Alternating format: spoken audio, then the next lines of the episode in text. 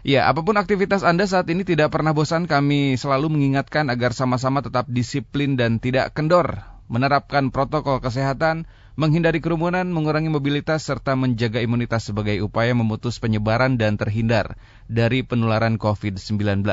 Selain itu, beragam informasi seputar pandemi yang masih terjadi hingga saat ini Anda bisa simak dalam program khusus Recover Radio Waspada COVID-19, siaran kami bersama jaringan Fit Radio dan El Sinta Media Group. Ya, pendengar harap selalu waspada karena pandemi COVID-19 masih belum berakhir dan dengan kewaspadaan yang kita lakukan, kita bisa sama-sama menekan angka kasus terkonfirmasi positif COVID-19.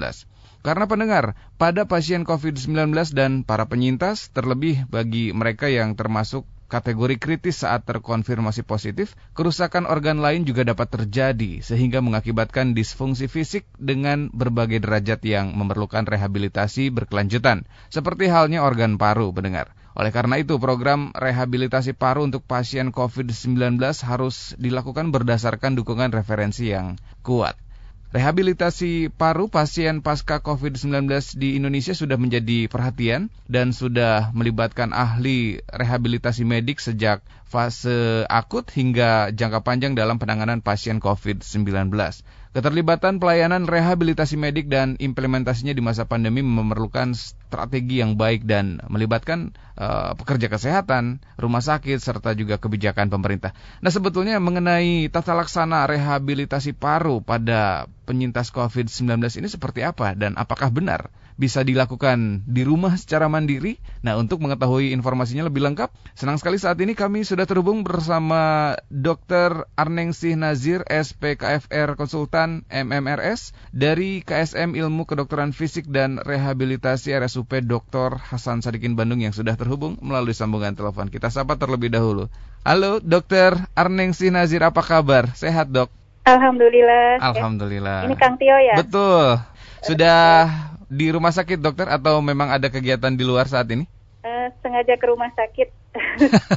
oh harusnya masih ada kegiatan di luar begitu dok? Uh, kebetulan lagi cuti. Oh, waduh terima kasih banyak nih di waktu cutinya begitu masih sempat mau diganggu oleh kami untuk bisa bergabung dan hari ini kami ingin belajar banyak dok. Sebetulnya apa itu rehabilitasi paru terutama pada penyintas COVID-19?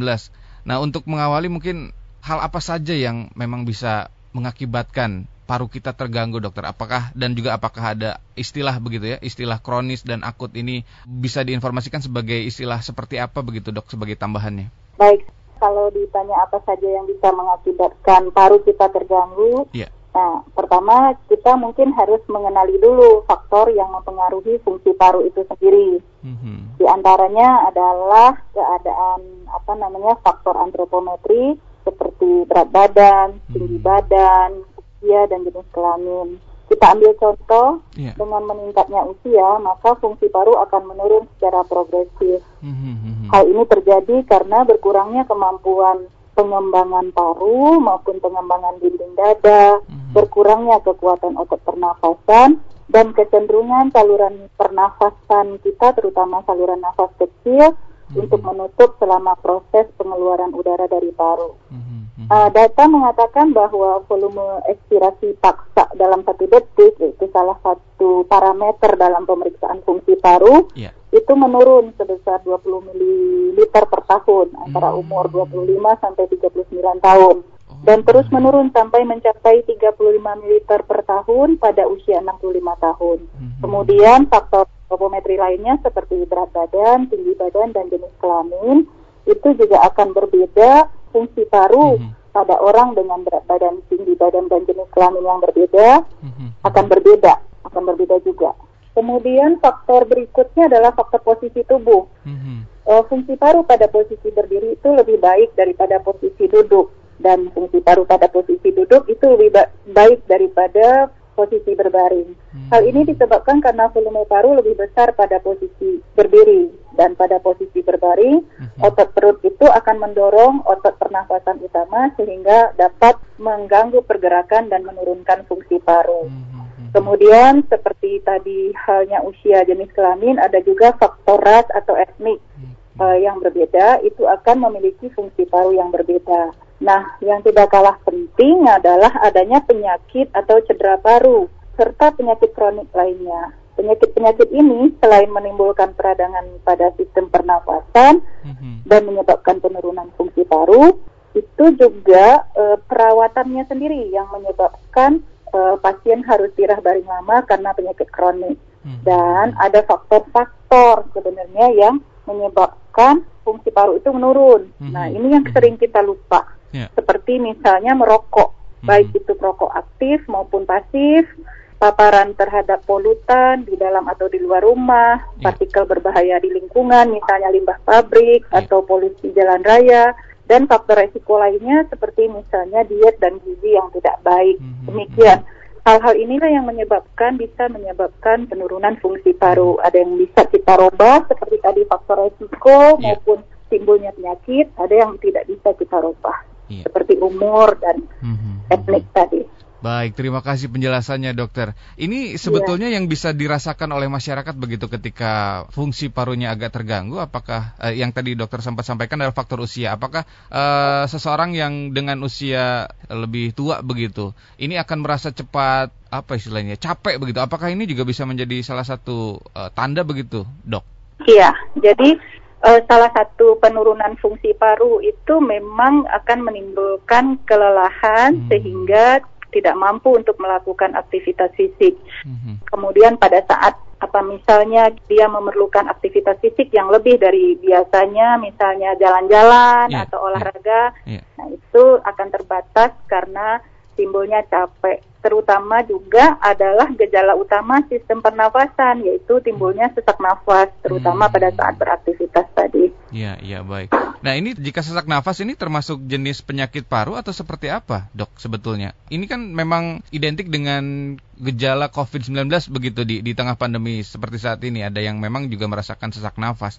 Nah, kaitannya itu sep seperti apa, Dok, antara memang tadi penyakit jenis penyakit dari paru dan juga infeksi dari COVID-19 ini, Dok? Iya. Mm -hmm. Jadi um, sesak nafas ini adalah merupakan gejala utama gangguan fungsi pernafasan ya. Yeah. Jadi penyakit-penyakit yang mengenai fungsi pernafasan itu bisa menimbulkan sesak nafas. Demikian juga sesak nafas ini bisa hmm. terjadi akibat eh, penyakit-penyakit kronik lainnya, misalnya seperti penyakit jantung, penyakit metabolik, itu juga bisa menimbulkan hmm. keadaan sesak nafas. Nah, seperti kita sudah tahu bahwa COVID-19 ini adalah penyakit yang menyerang sistem pernafasan. Jadi, hmm. sesak nafas bisa menjadi manifestasinya, terutama pada kasus-kasus yang uh, berat itu masalah utamanya adalah sesak nafas. Artinya adalah gejala utama begitu ya dari fungsi pernapasan yang eh fungsi paru begitu ya dok ketika memang fungsi parunya terganggu. Nah artian kronik itu sebetulnya artiannya berbahaya atau seperti apa dok? Kalau akut dan kronik itu ya. menandakan perjalanan penyakit. Hmm. Perjalanan penyakit. Nah kalau pada COVID ini keadaan akut itu biasanya keadaan akut pada semua penyakit itu sekitaran 1 sampai 2 minggu atau ada yang lebih pendek lagi dua hari sampai 2 minggu patokannya itu disebut dengan penyakit akut. Hmm. Sedangkan kalau kronik kalau udah berlangsung lebih dari dua minggu sampai okay. seterusnya atau dikatakan juga melebihi penyembuhan alami dari penyakit itu hmm. sendiri. Misalnya suatu penyakit itu diprediksi akan sembuh dalam dua minggu secara teori, hmm. Hmm. namun kalau dia memanjang dari dua minggu, nah itu disebut sebagai penyakit yang kronik. Jadi akut dan kronik adalah masalah waktu. Akut dan kronik ini hanya uh, soal waktu begitu ya, dari durasi ya. Perjalanan penyakit ah, ya. Oke, okay, baik. Perjalanan penyakit. Dok sebetulnya berarti kapan ini rehabilitasi paru pada pasien begitu yang merasakan gejala atau penyintas COVID-19 ini perlu dilakukan? Kalau pada pasien yang bergejala itu kan tergantung nanti dari berat ringannya penyakit. Kalau hmm. seandainya hmm. Uh, gejala ringan, uh, apa penyakitnya ringan, COVID-19 yang ringan tanpa gejala, itu kan biasa tidak dirawat. Namun kalau dia sedang dengan gangguan pernafasan, apalagi kalau yang berat, uh, itu membutuhkan perawatan di rumah sakit.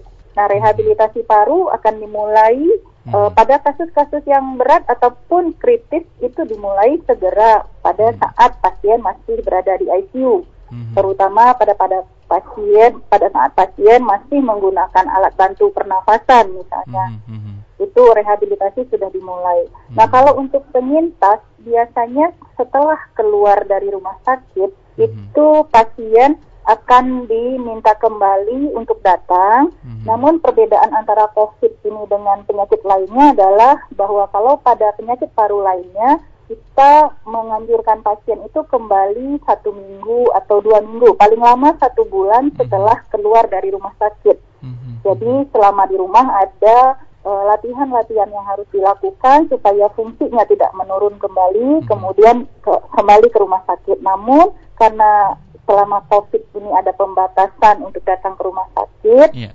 nah protokolnya yang menyebutkan kapan rehabilitasi itu dimulai, yeah. nah itu belum belum belum jelas, Kang. Hmm. Jadi uh, kalau rekomendasinya adalah untuk kasus yang berat yeah. itu selama enam minggu pertama setelah selesai masa perawatan yeah. itu pasien harus latihan di rumah sakit di bawah pengawasan dokter selama enam minggu minimal. Mm -hmm. Tetapi kalau dia hanya kasus ringan dan sedang, mm -hmm. itu dia boleh latihan di rumah nantinya. Mm -hmm. Jadi kapan dimulai ya sesegera mungkin sesegera sebenarnya mungkin, ya. karena mm -hmm. bisa membantu untuk meningkatkan fungsi hmm. paru, yeah. mengontrol gejala, meningkatkan kemampuan fungsionalnya dan kemandirian pasien. Baik dok, terima kasih. Ini mohon maaf jika memang terlewat juga nih, uh, sekaligus menyegarkan kembali ingatan. Ini hmm. sebetulnya bagaimana COVID-19 ini bisa menginfeksi paru dan bisa mengakibatkan apa begitu dok? Bagaimana? Ya, fungsi dari parunya ini bisa terganggu akibat dari infeksi COVID-19 dok?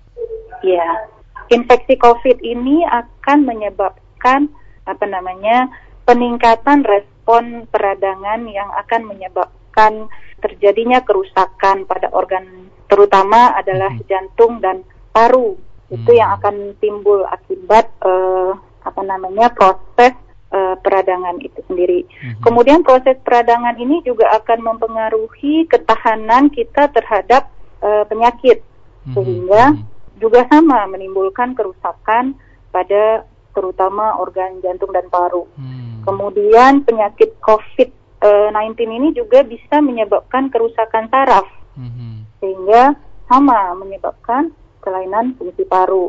Periode rawat inapnya sendiri juga eh, biasanya lama, eh, sekitaran 20-an hari itu. Hmm terutama kalau pasiennya kemudian kritis dan dirawat di ICU itu juga menimbulkan kelemahan otot mm-hmm. yang didapat di ICU yang kita sebut dengan ICU acquired weakness biasanya yang menurunkan fungsi terutama otot tungkai mm-hmm. dan menurunkan uh, kapasitas fungsional pasien sehingga mm-hmm. uh, tidak dapat melakukan aktivitas fisik tanpa lelah gitu. Mm-hmm. Kemudian hal itu juga menyebabkan pasien-pasien mengalami gangguan uh, psikologis hmm. maupun gangguan kognisi sehingga hal itu menyebabkan timbulnya gejala-gejala jangka panjang yang hmm. akhirnya hmm. menjadi sulit untuk kita tangani seperti itu. Baik, dokter uh, mohon info jika memang dokter memegang datanya begitu. Sebetulnya seberapa besar ini penyintas atau mohon maaf pasien yang terkonfirmasi positif ini akhirnya mengalami gangguan paru, dokter? Kalau dari data gangguan pernafasan itu mm-hmm. uh, dikatakan bahwa sekitar 80 sampai 80 persen satu persen kasus itu biasanya hmm. tidak bergejala. Jadi kebanyakan orang memang asimptomatik atau hmm. tidak bergejala yang itu disebut dengan kasus ringan. Yeah, yeah, yeah. Kemudian sekitar 19 sampai 20 persen itu menyebabkan gangguan pernafasan berat seperti sesak nafas dan sebanyak 5 persen dari kasus-kasus berat ini hmm, hmm. masuk ke keadaan kritis dengan kegagalan pernafasan yang hmm. akhirnya membutuhkan bantuan alat bantu nafas di ICU. Hmm. Nah, kasus-kasus berat inilah yang sering menyebabkan gejala sisa yang permanen bahkan kematian. Hmm, baik. Dokter, ada perbedaan dalam tata laksana rehabilitasi secara khusus bagi penderita gangguan paru umumnya begitu dengan penyintas COVID? Apakah ada perbedaan eh, tata laksana rehabilitasi atau sama saja, dok? Uh, kelainan fungsi kita melihatnya biasanya secara umum hampir sama dengan penyakit paru lainnya. Nah, hmm. kita lihat bahwa kelainan paru yang terjadi pada COVID-19 ini adalah hmm. adanya fibrosis paru yaitu uh, apa kekakuan jaringan akibat perubahan dari struktur jaringan akibat proses peradangan. Yeah. Kemudian kelemahan otot pernafasan tadi karena ada gangguan saraf juga. Kemudian gangguan paru restriktif. Nah, gangguan paru restriktif ini adalah gangguan paru yang terjadi akibat ketidakmampuan paru maupun dinding dada untuk mengembang sehingga udara yang masuk ke dalam paru itu menjadi uh, berkurang volumenya. Hmm. Nah itu jadi berdasarkan dari keadaan patologi yang terjadi ini maka tata laksana uh, rehabilitasi terhadap penyakit uh, COVID-19 ini adalah sama dengan tata laksana hmm. pada penyakit paru restriktif lainnya. Hmm. Yang di sini kita biasanya memberikan terutama adalah latihan pernafasan, hmm. kemudian latihan aerobik terutama hmm. untuk meningkatkan fungsi yeah. uh, ketahanan jantung dan parunya hmm. artinya agar pasien ini bisa beraktivitas tanpa kelelahan. Hmm. Kemudian kita juga meningkatkan fungsi otot karena perawatan yang lama itu menyebabkan berkurangnya kekuatan otot-otot terutama otot tungkai hmm. termasuk di sini otot-otot pernafasan. Jadi diberikan juga latihan penguatan untuk otot-otot pernafasannya. Mm-hmm. Seperti itu. Jadi secara umum sama, sama dengan ya? mm-hmm. uh, penyakit paru akibat penyakit paru restriktif mm-hmm. lainnya. Mm-hmm. Jadi sama misalnya dengan apa namanya fibrosis paru akibat penyakit lain, akibat tuberkulosis, hmm. akibat misalnya ada penekanan oleh masa tumor dan sebagainya. Baik, terima kasih informasinya, dokter. Dan bagi Anda pendengar yang ingin berkonsultasi juga bersama dokter ataupun juga ingin berinteraksi, silahkan bisa kirimkan pertanyaannya melalui SMS ataupun juga WhatsApp di nomor 0811 2102948. Kami ulangi nomornya di 0811 2102 948 ataupun juga bisa mention kami melalui akun sosial media Twitter Radio Bandung. Baik, dokter kita berlanjut. Manfaat yang bisa di apa istilahnya di, dirasakan begitu. Tadi dokter sempat menyampaikan bahwa rehabilitasi ini bisa dilakukan sesegera mungkin. Manfaat dan tujuan awal begitu dari rehabilitasi paru pada khususnya pada penyintas COVID-19 ini seperti apa, Dok?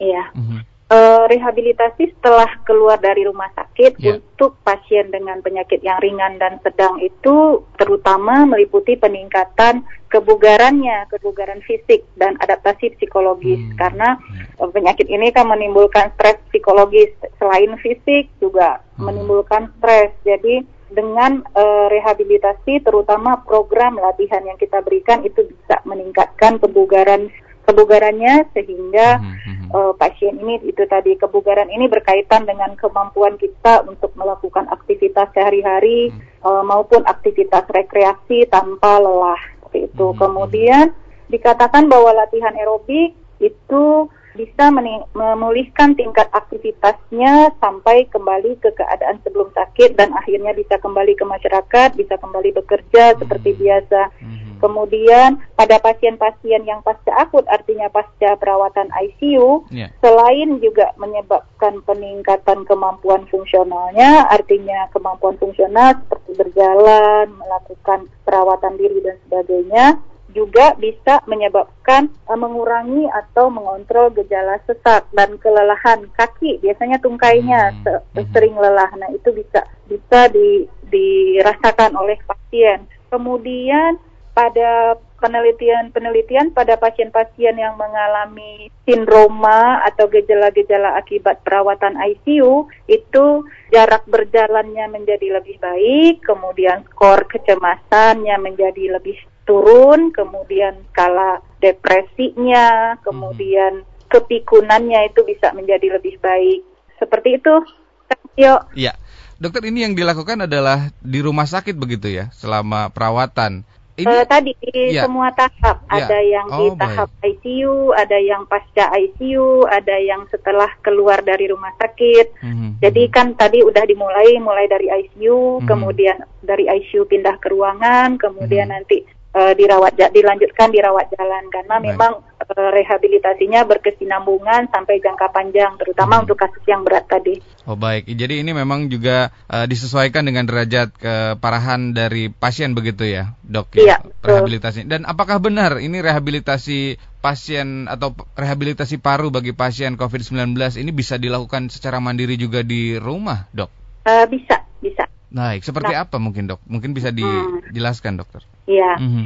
e, latihan rumah itu dapat dilakukan pada pasien pasca COVID ringan atau orang sehat untuk mencegah penurunan kebugaran fisik selama masa pandemi ini. Mm -hmm. Yang saya bilang tadi bahwa kita mau olahraga juga susah gitu yeah, ya. Yeah. Jadi untuk mencegah penurunan kebugaran kita, orang sehat juga dianjurkan nggak apa-apa sama mm -hmm. aja dengan latihan atau olahraga pada pasien-pasien dengan COVID ringan gitu. Hmm. Sedangkan kalau pada tadi sudah saya sebutkan bahwa yeah. pada pasien uh, dengan kasus berat itu latihan di rumah sakit di bawah pengawasan dokter hmm. itu lebih dianjurkan setidaknya selama enam minggu pertama. Hmm. Uh, kami punya Kang Tio yeah. itu channel ya channel yeah. YouTube boleh dicatat Siap. barangkali bisa share ke mm -hmm. apa namanya ke pendengarnya. Mm -hmm. Kita punya channel YouTube IKSR Unpad. Mohon diulang dok. IK? IKFR Unpad, IKFR-nya huruf besar. Oh, IKFR, Ilmu I... Kedokteran Fisik dan Rehabilitasi hmm. Unpad. IKFR Unpad begitu ya? Iya, itu channelnya. Hmm. Nah, nanti untuk latihan untuk pasien COVID uh, selama pandemi COVID ini, kita udah pernah buat itu uh, aktif di rumah selama pandemi COVID-19 hmm. dan juga ada latihan pernafasan. Ada beberapa latihan pernafasan itu bisa diakses di channel YouTube tersebut. Hmm. Demikian juga untuk olahraga-olahraga lainnya secara umum untuk pencegahan pencegahan dan hmm. pengobatan penyakit-penyakit lainnya seperti nyeri sendi atau nyeri okay. nyeri punggung. Nah, yeah, itu juga yeah, lengkap yeah. di sana. Boleh diakses Baik. Kembali lagi kalau latihan rumah hmm. untuk uh, pasien pasca COVID itu yang perlu adalah kehati-hatiannya. Hmm. Bahwa kalau latihan misalnya kan yang dianjurkan adalah latihan aerobik, latihan pernafasan, kemudian hmm. latihan penguatan otot, terutama itu ya. Yeah, nah, yeah. latihan aerobiknya itu dimulai dengan intensitas yang rendah, diikuti hmm. dengan peningkatan. Nanti kalau sudah terbiasa boleh dilakukan peningkatan jadi penambahan waktu atau beratnya latihan. Biasanya yang dianjurkan itu jalan cepat atau jogging. Yeah, yeah, yeah, Sekitar tiga sampai lima kali seminggu sama dengan rekomendasi untuk orang dewasa sehat rata-rata mm-hmm. dengan lama latihan 20 sampai 30 menit. Mm-hmm. Nah, kalau misalnya pasien mengalami kelelahan berat pasca Covid. Nah, ini kan ke, isu kelelahan ini kan yeah, juga yeah. adalah uh, masalah utama pada para penyintas ya. Saya, saya sendiri pernah kan Tio mm-hmm. bulan Desember itu uh, terinfeksi, oh, kemudian iya, dirawat, iya. kemudian setelah keluarnya itu dua bulan baru kelelahannya hilang. Oh, jadi bulan Februari baru hilang. Gejalanya nah, berarti itu, memang masih terasa begitu ya, dok ya? Iya, jadi hmm. lelah aja, nggak mau olahraga 15 menit juga udah sangat ngos-ngosan oh, gitu. Iya, iya, iya. Jadi pernafasan juga pendek. Ya, jadi yeah. memang dua hal yang harus kita latih adalah pernafasan -hmm. dan hmm, hmm. kebugaran aerobiknya. -hmm. Nah, e, kalau misalnya kelelahan ini menghalangi pasien ini untuk bisa melakukan latihan selama 20 menit atau 30 menit secara terus-menerus, mm -hmm. nah latihannya bisa dipecah-pecah misalnya mm -hmm. dengan latihan 5 menit, kemudian dijeda dengan istirahat, mm -hmm. kemudian nanti 5 menit lagi sampai ter, mm -hmm. e, bisa melakukan minimal mm -hmm. 20 menit sehari. Nah, nanti mm -hmm. kalau sudah adaptasinya sudah ada dan kemampuannya mulai meningkat, mm-hmm. nah itu bisa kita tingkatkan. Baik. itu Kang Tio. Baik, terima kasih dokter. Tadi penasaran nih dok, ketika terkonfirmasi positif begitu, gejala yang dirasakan oleh dokter apakah memang ringan, sedang atau cenderung berat dok? ringan karena nggak ada ya? sesak ya? nafas, oh. tetapi uh, itu tadi kelelahan, nyeri otot dan nyeri kepalanya itu sangat hebat sehingga saya dirawat juga jadinya. Baik, jadi gejala ringan yang dialami oleh dokter pun uh, tetap berdampak begitu ya terhadap kelelahan yang dirasakan hampir selama dua bulan setelah dinyatakan negatif begitu ya? Iya, iya betul. Oh, iya, iya, Dan iya. Uh, beberapa dari kita kan uh, sejawat kita juga banyak yang terkonfirmasi positif mm -hmm. itu juga sama rata-rata keluhan keluhan utamanya itu ya mm -hmm. kelelahan pasca pasca yeah, sakit. Yeah. Baik, jadi memang latihannya bisa dilakukan di rumah dan dilakukan secara bertahap ya dok ya, jangan yeah. langsung zumba begitu ya. Oh iya jangan.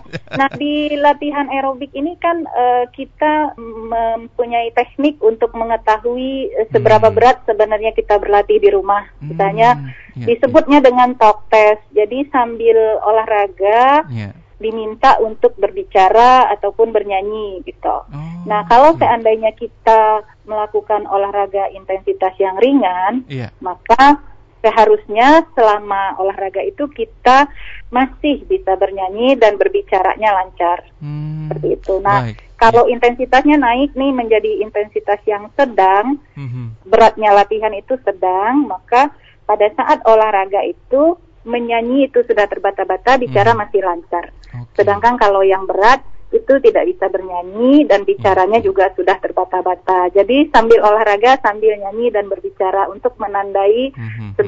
seberapa berat kita berlatih. Nah, Baik. Nah, karena tadi awalnya kita itu mm -hmm. dianjurkan untuk melakukan mulai dari yang ringan, mm -hmm. seharusnya sambil olahraga itu bisa berbicara dan bernyanyi mm -hmm. dengan baik gitu. Baik. Ini ada self testnya begitu ya, Dok, yang bisa dilakukan. Dan ini untuk ya, lebih betul. jelasnya bisa kunjungi channel YouTube-nya ya, IKF eh, mohon maaf, IKFR IKF. Unpad begitu ya. Iya. Iya. Silahkan uh, pendengar bisa kunjungi IKFR Unpad. Jangan lupa subscribe like and share begitu. Komen juga jangan lupa ya, dok ya.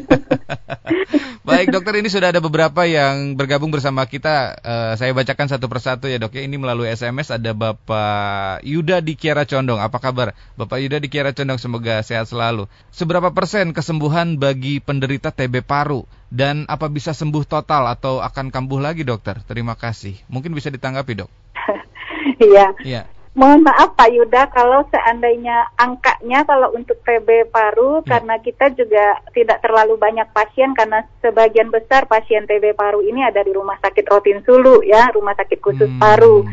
Berapa persen penyembuhannya itu yeah. mungkin tergantung kepada derajat e, sama ya, sama dengan COVID tadi tergantung kepada derajat keparahan dari penyakit hmm. TB itu sendiri. Hmm. Kalau seandainya TB itu sebenarnya prognosisnya baik kalau dia tidak uh, respon terhadap pengobatan itu baik. Biasanya hmm, hmm. gejala-gejalanya itu akan hilang dua minggu setelah makan obat juga bisa hilang hmm. kalau dia memang kasus yang masih respon terhadap obat anti TB.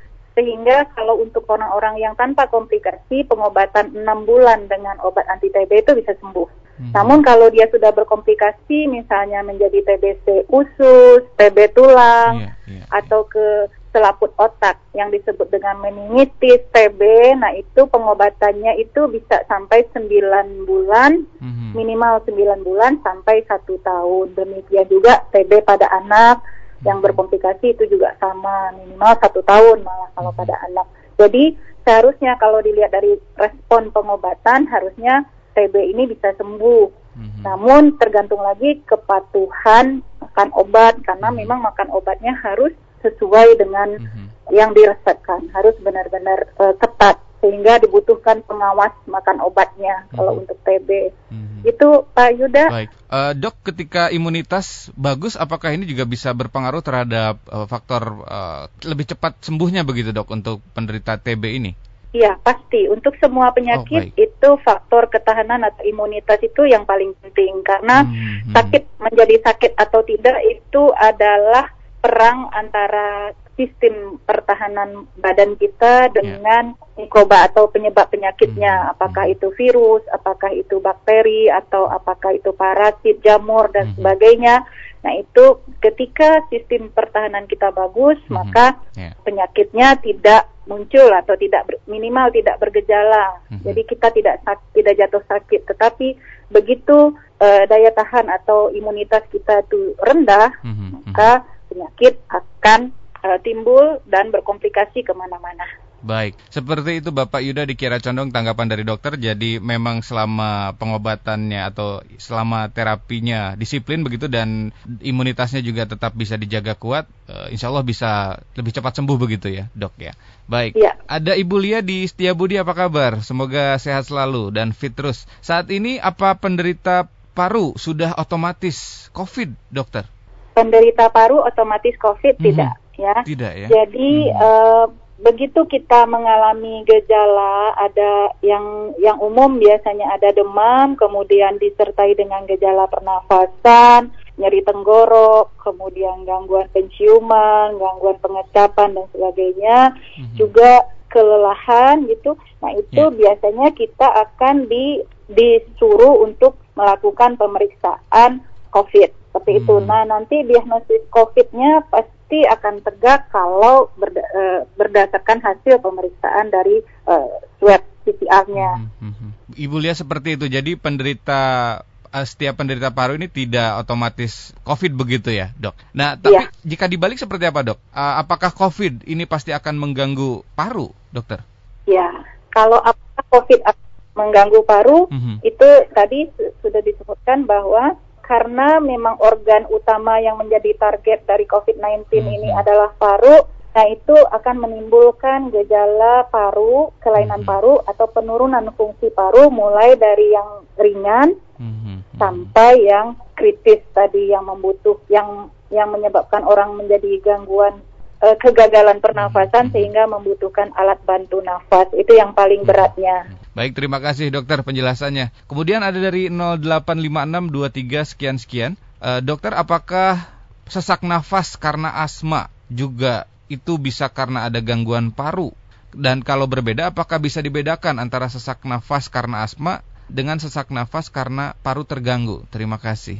Iya sesak nafas karena asma ini digolongkan kalau secara umum eh, penyakit-penyakit paru ini kita bagi menjadi tiga bagian besar yaitu penyakit paru yang mempengaruhi jalan udara atau jalan nafas mm -hmm. atau dikenal dengan penyakit paru obstruktif akibat sumbatan jalan nafas. Nah, di sini masuk uh, ke dalam kelompok ini adalah penyakit asma, kemudian penyakit paru obstruktif kronik atau orang bilang PPOK, emfisema ataupun bronkitis, baik bronkitis akut maupun bronkitis kronik. Hmm. Kemudian kelompok kedua adalah yang seperti COVID, penyakit paru yang menyebabkan gangguan pengembangan paru dan dinding dada. Hmm. Disebut juga dengan gangguan paru restriktif.